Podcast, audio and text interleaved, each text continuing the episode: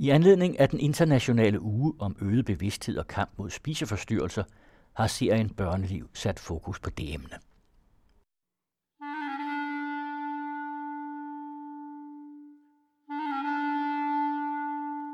Spiseforstyrrelsen på en eller anden måde bliver en ven, der tilbyder sin hjælp. Som siger, kom du med mig, så skal jeg hjælpe dig. Hvis du bliver tyndere, hvis du taber dig, så skal du se, så skal det nok gå, så bliver du rigtig lykkelig. Og noget af det sværeste var ligesom, som, som jeg husker tilbage på, det var det her med, at jeg så gerne ville gøre dem glade, men de blev aldrig glade.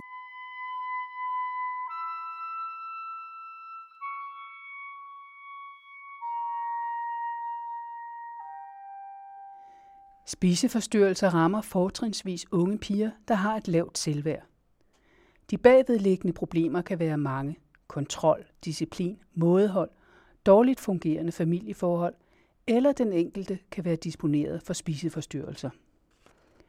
Spiseforstyrrelser dækker over flere udtryk, blandt andet bulimi og tvangsoverspisning. Vi skal møde Charlotte Krog Lykke Christensen, 32 år, der fra hun var 14 til hun var 20 år, har kæmpet mod anoreksi og bulimi. Og vi skal møde psykolog Sissel de Foss fra Landsforeningen mod spiseforstyrrelser og selvskade.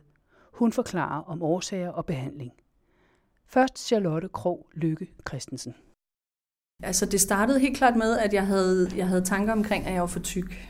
Jeg synes helt bestemt, at jeg, øh, at jeg fyldte alt for meget i landskabet. Jeg var øh, også elitedanser på det tidspunkt og gik til rigtig mange konkurrencer.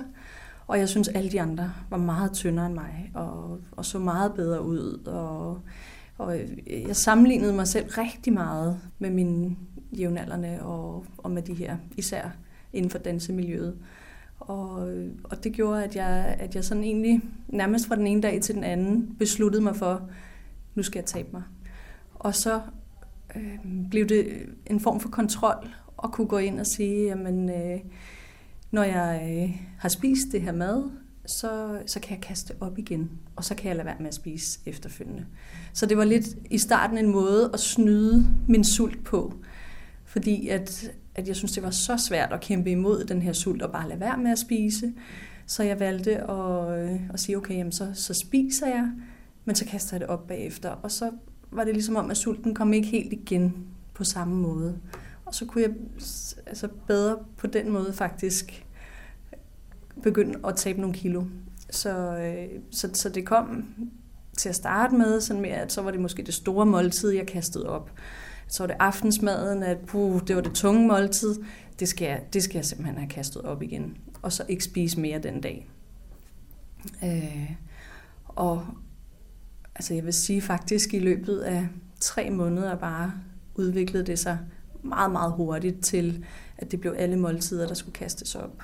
Øh, for til sidst at være sådan, at jeg nærmest ikke kunne drikke et glas vand, så havde jeg fornemmelsen af, at det skulle op igen, for det fyldte alt for meget ned i min mave. Øh, Øh, og det blev også i og for sig nemmere og nemmere at sulte mig, frem for at kaste op. Så det, det var ligesom om, at min mave den vendte sig til ikke at have mad, øh, og, og behøvede mindre og mindre mad.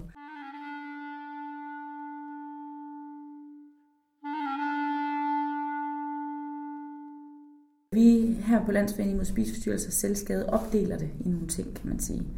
Man har ligesom med sig nogle disponerende faktorer, som for eksempel kan være nogle individuelle ting, øh, sårbarhed, at man er følsom, har en særlig sårbarhed med sig. Øh, det kan være, at man er perfektionistisk. Det er et personlighedstræk, der hænger meget sammen med spiseforstyrrelser. Øh, man kan have noget genetik med sig, man har faktisk fundet ud af, at det er ret arveligt. Øh, så er der nogle sådan familierelaterede, miljøspecifikke øh, ting, der kan være udløsende fakt- eller disponerende faktorer. Det kan for eksempel være øh, spisemønstre derhjemmefra, hvad man er opvokset med, øh, både øh, restriktion, hvad man har oplevet hos sin familie, har det hele tiden været på slankekur, betyder vægt meget derhjemme, betyder det meget, at man er sund og stærk, eller betyder det ingenting? Og så er der jo så også de mere sådan samfundsrelaterede eller sociologiske faktorer, som jo er, at vi lever i en sundhedskultur, hvor der er stor fokus på, at det er vigtigt at være sund, stærk og slank. Øh, og der bliver set meget ned på personer med overvægt. Det oplever vi rigtig meget. Og, og det her stærke ideal øh, med mådehold og med sådan fylder rigtig meget. Og så er der også de der kropsæstetiske idealer, vi også har som samfund, som jo er, at skønhedsidealer ændrer sig.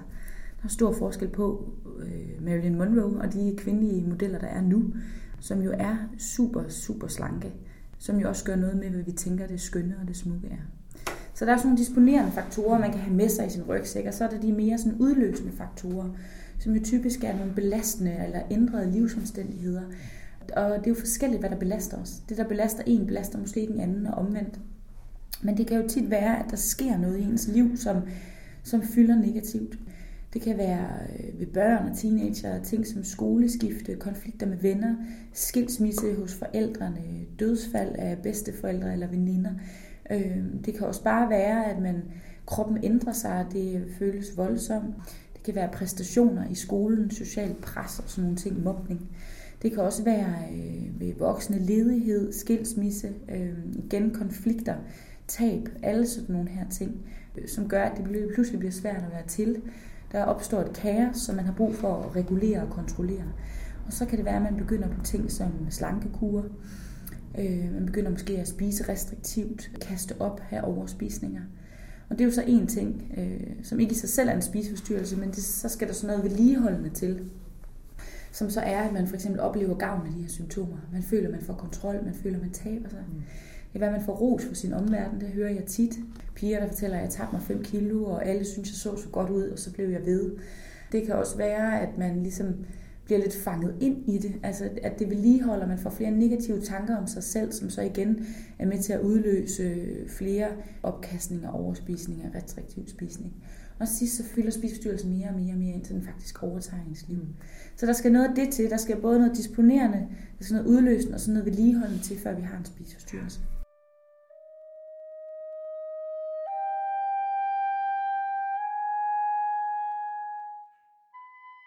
Mit liv i det hele taget var meget turbulent på det tidspunkt. Min mor og far blev skilt, da jeg var 12, og min far var øh, alkoholiker, så, øh, så det var en meget dramatisk skilsmisse og, øh, og nogle hårde år efterfølgende. Øhm, jeg boede hos min mor, men havde aftaler om at se min far, så jeg var faktisk over hos ham en gang om ugen, øh, cirka, på trods af, at, at det var øh, nær helvede på jord. Men jeg, jeg følte et rigtig stort ansvar som, som barn, og ville også gerne ham det godt.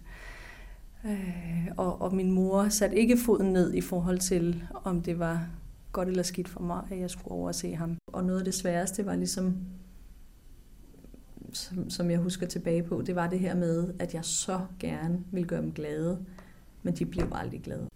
Så i løbet af de her tre måneder, der tabte jeg mig cirka 17 kilo. Og jeg tror egentlig selv, jeg var ret overrasket over, hvor hurtigt det gik. At det var som om, der var noget andet, der tog over i mig. Og jeg ligesom blev trukket ind i et mønster, blev trukket ind i et spind. Også i forhold til de tanker, der begyndte at komme op i mig. At jeg, jeg følte lige pludselig, at jeg, at jeg var meget øh, good cop, bad cop. At jeg havde sådan en todelt stemme i mig, hvor den ene stemme egentlig prøvede sådan at gå ind og mildne øh, den måde, jeg behandlede mig selv på, og ligesom sige, det er, jo, det er jo ikke godt det her. Og hvad skal det føre med sig? Og det, er, ikke, det er nok ikke sundt for dig, det her. Men som jo virkelig blev undertrykt og presset ned af en stemme, der kom og sagde, du må ikke spise, og hvis du spiser, så skal du kaste op igen. Du er ikke det værre. Og, altså sådan en meget, meget kritisk stemme, som, som egentlig angreb mig selv hele tiden, og som var den, der gik ind og tog kontrollen. Og, øh, og ligesom også hele tiden prøvede at, øh, at fortælle mig de her ting med, at nu, der, nu der sket det og det, og nu har far måske opført sig dårligt. Hvis du bliver tyndere, så bliver det bedre. Altså, og, og det kunne jeg jo godt se med den anden del, at det, det er jo ikke rigtigt. Men det blev bare, øh, jeg tror jeg, lidt en måde at og, og skabe en kontrol på, at, at hvis, jeg, hvis jeg ikke kan styre, at min far han drikker og opfører sig ubehageligt, så kan jeg i hvert fald styre det her, og hvad jeg gør ved mig selv. Jeg tror, at de fleste, som oplever at have det svært at have en psykisk lidelse, finder ud af, at jo sværere det er at være i sig selv, jo mere energi bruger man også på at være i sig selv. Og derfor bliver det jo svært at kunne have overskud til at deltage og hjælpe og støtte op omkring øh, i verden. Men faktisk oplever jeg, at personer med spiseforstyrrelser er ekstremt omsorgsfulde over for alle andre end sig selv.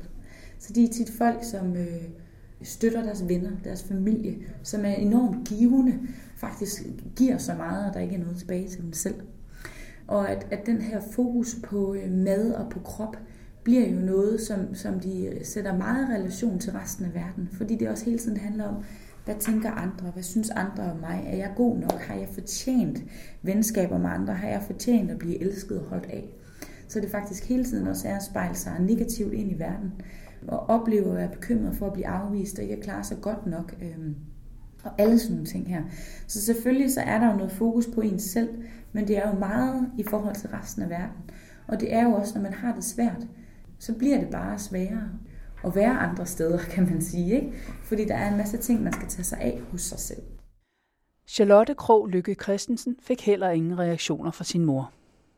Så, så jeg tænker, hun har haft en mistanke, men hun har simpelthen ikke vidst, hvordan hun skulle takle det, eller hvad hun skulle gøre ved det. Og, og det er jo også klart, at i og med, at jeg var i det her, det her dansemiljø, at der var mange, der lagde mærke til det. Og også, at det var så mange kilo, og der var meget tøj, dansetøj, som, som ikke fyldte ret meget på kroppen. Så, så det blev meget hurtigt tydeligt. Men jeg, jeg husker ikke, at jeg fik så forfærdeligt mange kommentarer før helt til sidst, hvor, hvor det så virkelig altså, også begyndte at se usundt ud. Men, øh, men jeg gik i, i starten af 8. klasse, og jeg havde en meget, meget tæt veninde.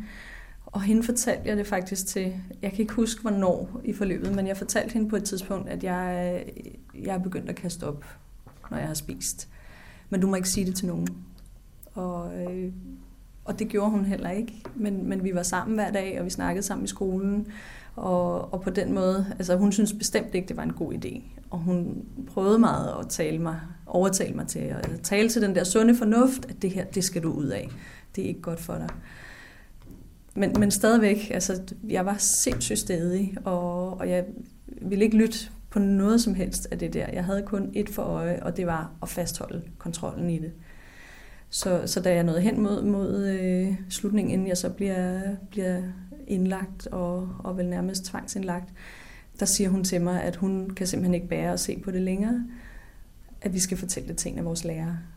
Og, og hun er sådan meget, altså siger, det, det har jeg brug for, at vi gør. Og, og det gik jeg faktisk med til.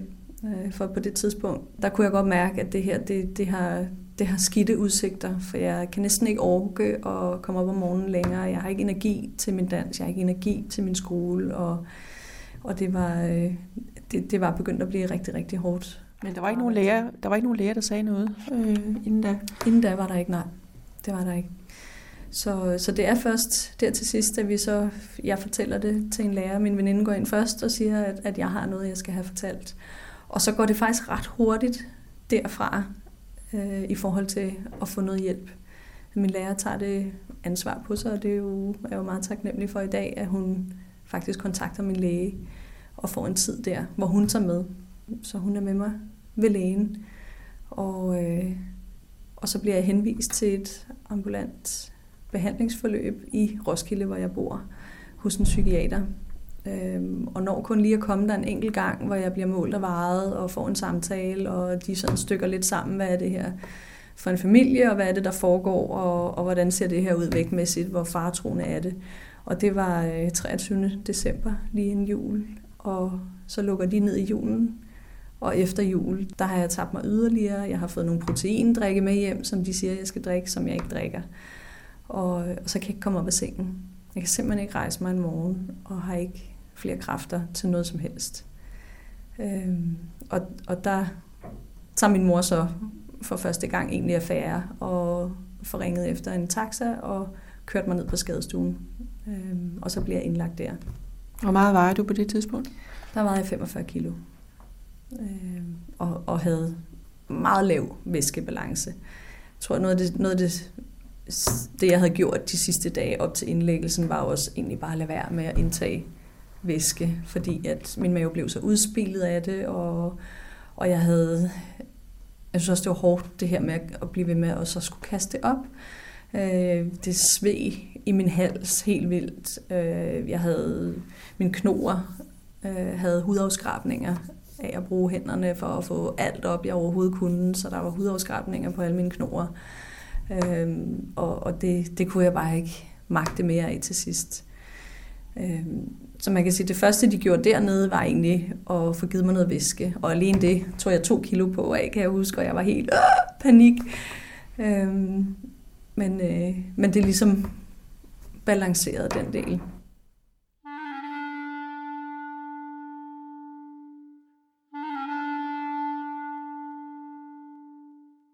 Jeg tænker, de første tegn, øh, som jeg vil kigge efter, er for eksempel sådan nogle ting som perfektionisme, selvværd, bekymring for at være god nok.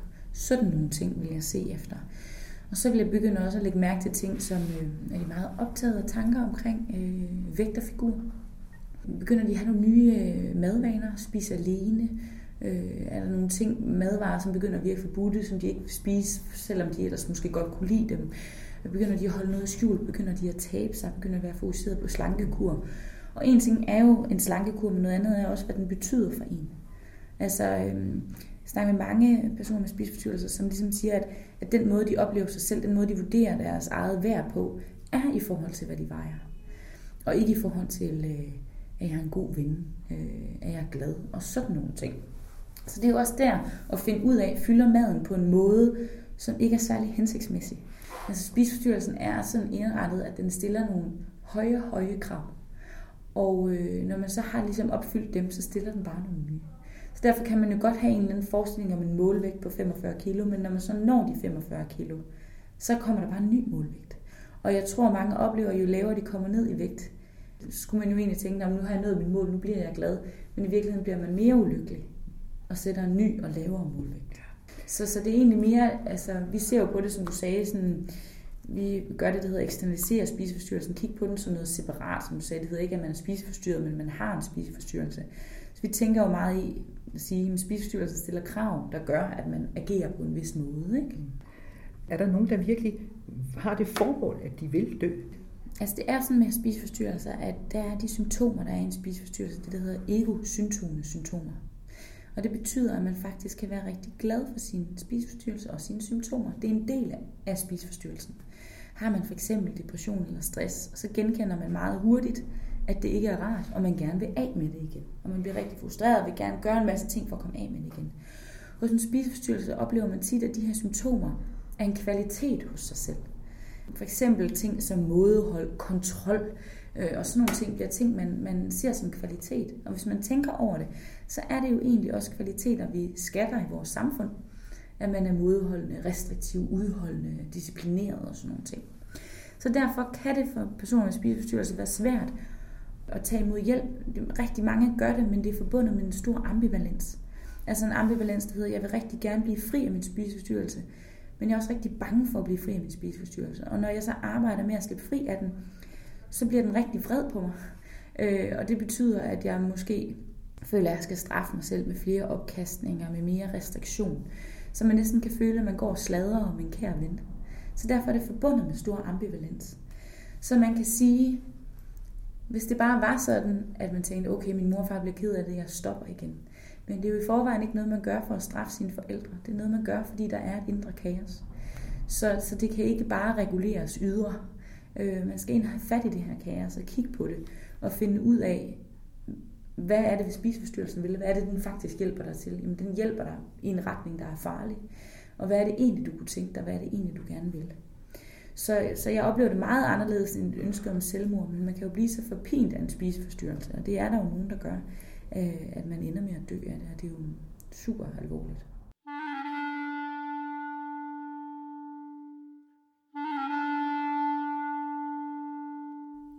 Jeg kom videre til Bispebjerg Hospital, fordi man ret hurtigt fandt ud af, at, at det her kunne man ikke håndtere på et almindeligt hospitals børneafdeling.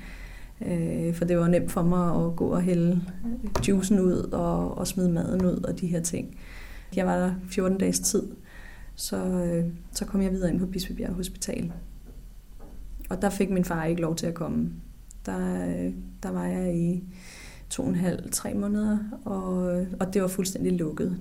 der var en times besøg om ugen, så der var ikke mulighed for, at han kunne komme ind. Jeg har hørt siden fra, øh, fra min mor, at, at han har været kørt derud og har stået udenfor og øh, bullet og braget for at komme ind. Øh, men så heldigvis ikke fået lov til det. Jeg havde, jeg havde det meget ambivalent med det, fordi det her med at skulle blive rask, det var også sådan, jamen, hvad indebærer det? Hvad, hvad er jeg? Hvem er jeg, hvis ikke jeg har min spiseforstyrrelse?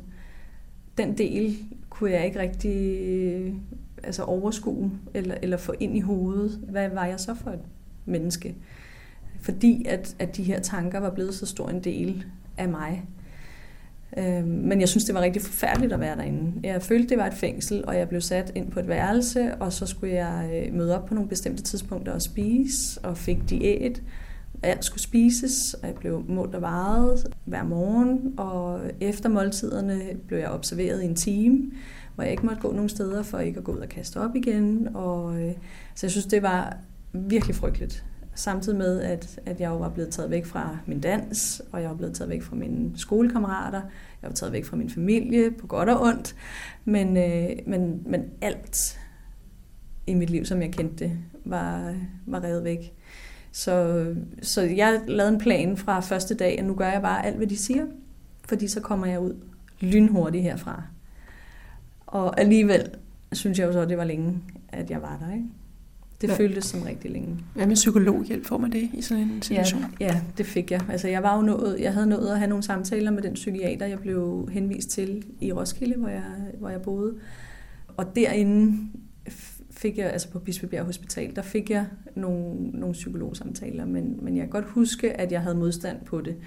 At, at jeg havde, hver gang at jeg kom der, og hun spurgte, hvordan det gik, så sagde jeg, det går rigtig godt, og jeg tænker snart, jeg er klar til at komme hjem. Og sådan. Så, så det var ikke et, et sted, hvor jeg kom ind og fik bearbejdet nogle af de bagvedliggende ting, som jeg havde med mig. Det, det startede jeg faktisk først på efterfølgende, så man kan sige, jeg blev stabiliseret, jeg fik taget på i vægt, øh, og fandt også tilbage til en måde, hvordan jeg kunne spise, og ikke spise for meget. Altså min mave blev stille og roligt trænet op i, og godt kunne rumme, at der var noget mad i den, uden at jeg kastede det op igen. Fordi at, at det var ligesom, det var, det var en lang proces at ligesom finde ud af, hvad er balancen i det. Fordi jeg egentlig altså godt kunne føle sult og sådan noget øh, igen. Men når jeg så gjorde det, så fik jeg spist for meget, og så var det den her trang til at kaste op, den bare var så kæmpestor. Altså jeg har prøvet at stå med angst og koldsved i hænderne og hedeture, fordi jeg ikke har kunne få lov til at kaste den her mad op. Og det fik de stabiliseret, og til sidst kom jeg på det, der hedder fri kost, hvor at, at jeg så var blevet dygtig nok til selv at kunne finde ud af at justere min mad og smøre den og alt sådan noget. Men det var virkelig øh, altså, at blive bygget op helt på ny, og, og lidt skulle lære det som at lære dansk eller matematik. Hvordan er det, jeg lytter til min krop, og hvordan er det, jeg sørger for at få det mad, den har brug for, men, men, men på den rigtige måde. Og øh, det, det var en ret stor øvelse. Så, så det egentlige behandlingsforløb i forhold til det tankemæssige og, øh, og mønstrene i den del af det, og, og de problemer jeg, og det kaos, der så også var i mit liv, det startede først efterfølgende, hvor jeg blev udskrevet, og så fortsatte i ambulant behandling i mange år.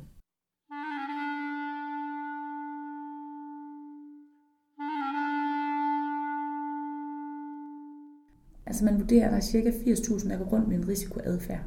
Og det er jo typisk sådan, at det ville jo være rart at opdage piger, drengene, kvinderne og mændene, før det bliver til en spiseforstyrrelse. Men når de her ting begynder at ske, når mad og vægt, tanker om krop og ens selv øh, begynder at fylde mere og mere, og kunne fange det der, ikke? Fordi når, når diagnosen først er på, så er spiseforstyrrelsen der.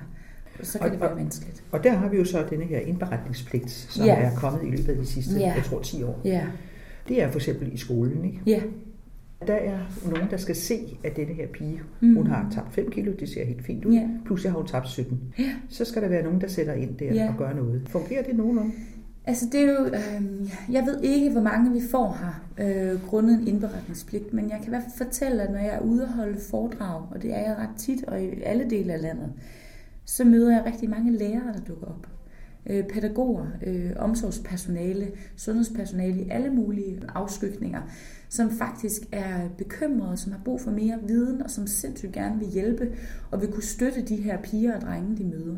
Så det oplever jeg bestemt, at, at, øh, at, at folk er meget ansvarlige omkring og gerne vil, og gerne vil kunne finde ud af, hvad gør vi her? Hvem kan vi hjælpe videre til? Øh, for jeg tror, mange oplever det som en jungle, af mit indtryk. Så, så der er i hvert fald noget, der virker i ja. forhold til, at folk opsøger viden, og hjælper også. Jeg snakkede med en, øh, en præst forleden dag, der havde en, han gerne ville have hjælp til. Og sådan nogle ting. Jeg synes, folk er gode til at kontakte os og høre om mulighederne for hjælp og støtte. Og det er det, I er her for Landsforeningen, ja. fordi I sætter jo ikke diagnoser, som du sagde før. Nej, det, det gør lægerne, psykiaterne ja. osv. Ja. Men I er en landsforening, som har hvilken, hvilke tilbud? Ja, vi er jo, øh, kan man sige, en patientforening. Vi kæmper jo på forskellige arenaer, både politisk omkring øh, behandlingspladser, men så øh, gør vi jo også noget for at støtte den enkelte og støtte deres pårørende. Vi er også en pårørende forening. Så vi har forskellige tilbud. Dels kan man øh, kontakte vores rådgivning helt anonymt, hvis man bare lige har brug for nogen at snakke med omkring det her. Man kan chatte med os, man kan ringe til os, øh, og man kan komme ind til en samtale fuldstændig gratis, kvitterfrit med uddannede rådgivere kommer ind og få en snak. Man kan komme som person, der er berørt af en spiseforstyrrelse eller selvskade, men man kan også komme som familie, som venner, som søster, som læge, hvad som helst, og få en snak omkring det her. Mm. Så har vi støttegrupper, hvor man kan komme sammen med andre med en spiseforstyrrelsesproblematik eller en selvskadeproblematik, som så er ledet af en gruppeleder. Det kunne fx være mig, hvor man har 12 gange og laver nogle pårørende arrangementer øh, for at få hjælp til at slippe det her mm. øh, og lære det bedre at kende. Men kender man jer? Ved, hvor man, ved man, hvor, hvor man skal finde jer? Hvis man nu er en søster, ja. en moster, ja. som kigger ja. bekymret ja. på en ung. Ja. Det synes jeg, man gør. Altså, der er forhåbentlig flere, der skal lære os at kende. Det er jeg helt sikker på, det er jo også noget, som det her hjælper til med, forestiller jeg mig. Men jeg synes, vi har rigtig mange henvendelser fra pårørende, som er bange og bekymrede, frustrerede, øh, kede af det, og som gerne vil have hjælp, også fra os. Så det synes jeg, at øh, folk er rigtig dygtige til at se os. Jeg synes, vi har været synlige i, i medierne og blander os i debatterne, så vi er til at få øje på. Så jeg oplever, at vi får mange henvendelser. Både fra personer, der er ramt af spiseforstyrrelser og selvskade, men i høj grad også fra deres pårørende. Og her kan man altså få sådan 12 behandlinger i? Ja, her, ja sådan 12 øh, gruppegange. Ja. Og man kan også få, øh, vi har forskellige andre tilbud. Vi har også det, der hedder en støtte kontaktperson, som er en person, der øh, som selv har haft en spiseforstyrrelse og har fundet sin vej ud af det som sådan en person, man kan ringe sammen med en gang om ugen og få støtte til det her. Man kan få en mentor, som er en person, der ikke har haft en spiseforstyrrelse, men som kan støtte op omkring nogle ting. Det er, at man har et behov for at få hjælp til at komme i gang med at gå i biografen igen, komme ud blandt venner og sådan nogle ting, kan man få en mentor til at lave ting sammen med. Man kan få en bisider til, når man skal til svære møder, hvis man har brug for, at der er en ekstra, et ekstra øre. Nu typisk vil være en socialrådgiver, der kan komme med. Så sådan nogle forskellige tilbud har vi, og så har vi også tilbud for de pårørende komme i en pårørende støttegruppe, mm. øh, hvor man kan møde andre og få snakket om det her, men også få sin viden opdateret.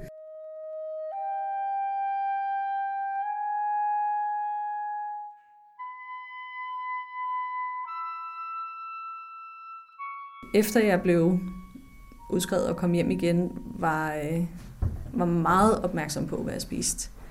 Og det, det husker jeg faktisk som noget af, noget af det værste i, i en lang periode efter. Det var det med at føle mig overvåget, når jeg spiste.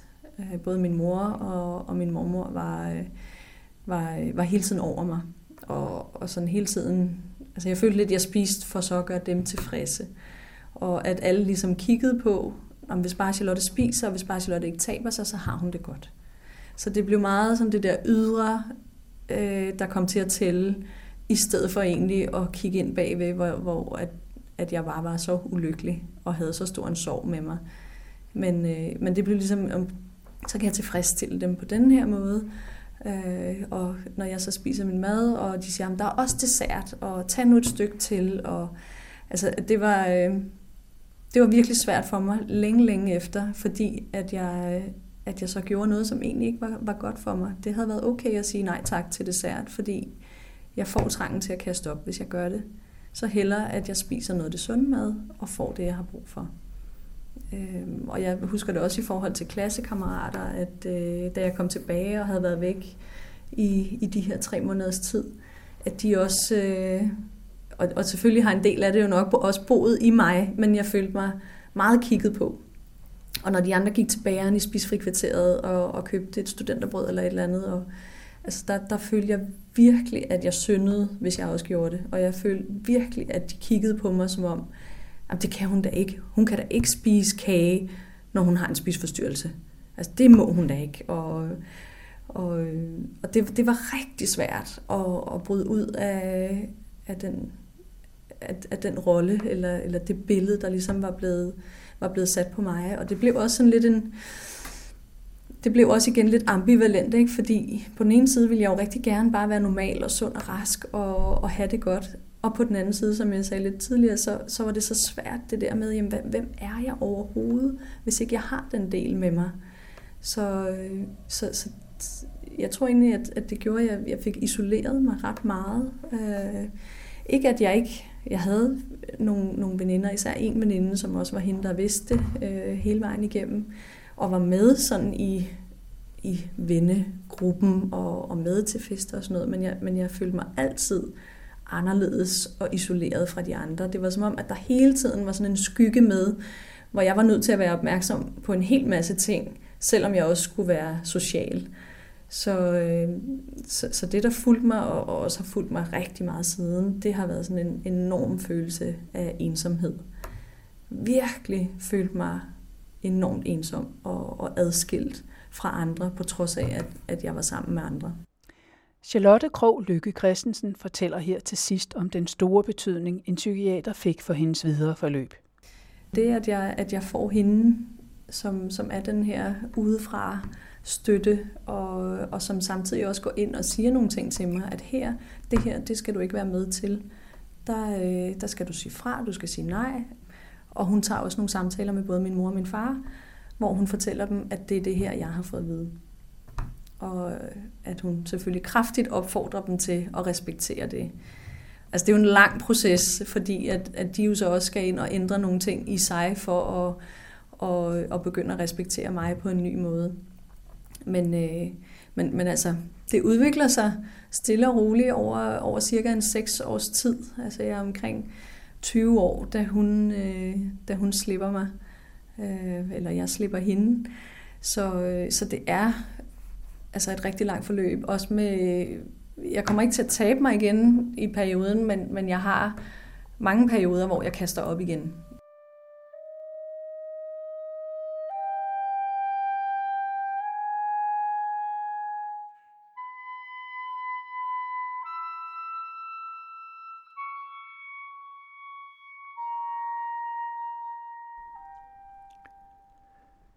Charlotte Krog Lykke Christensen er i dag 32 år, har en velfungerende familie og er ved at uddanne sig til psykoterapeut.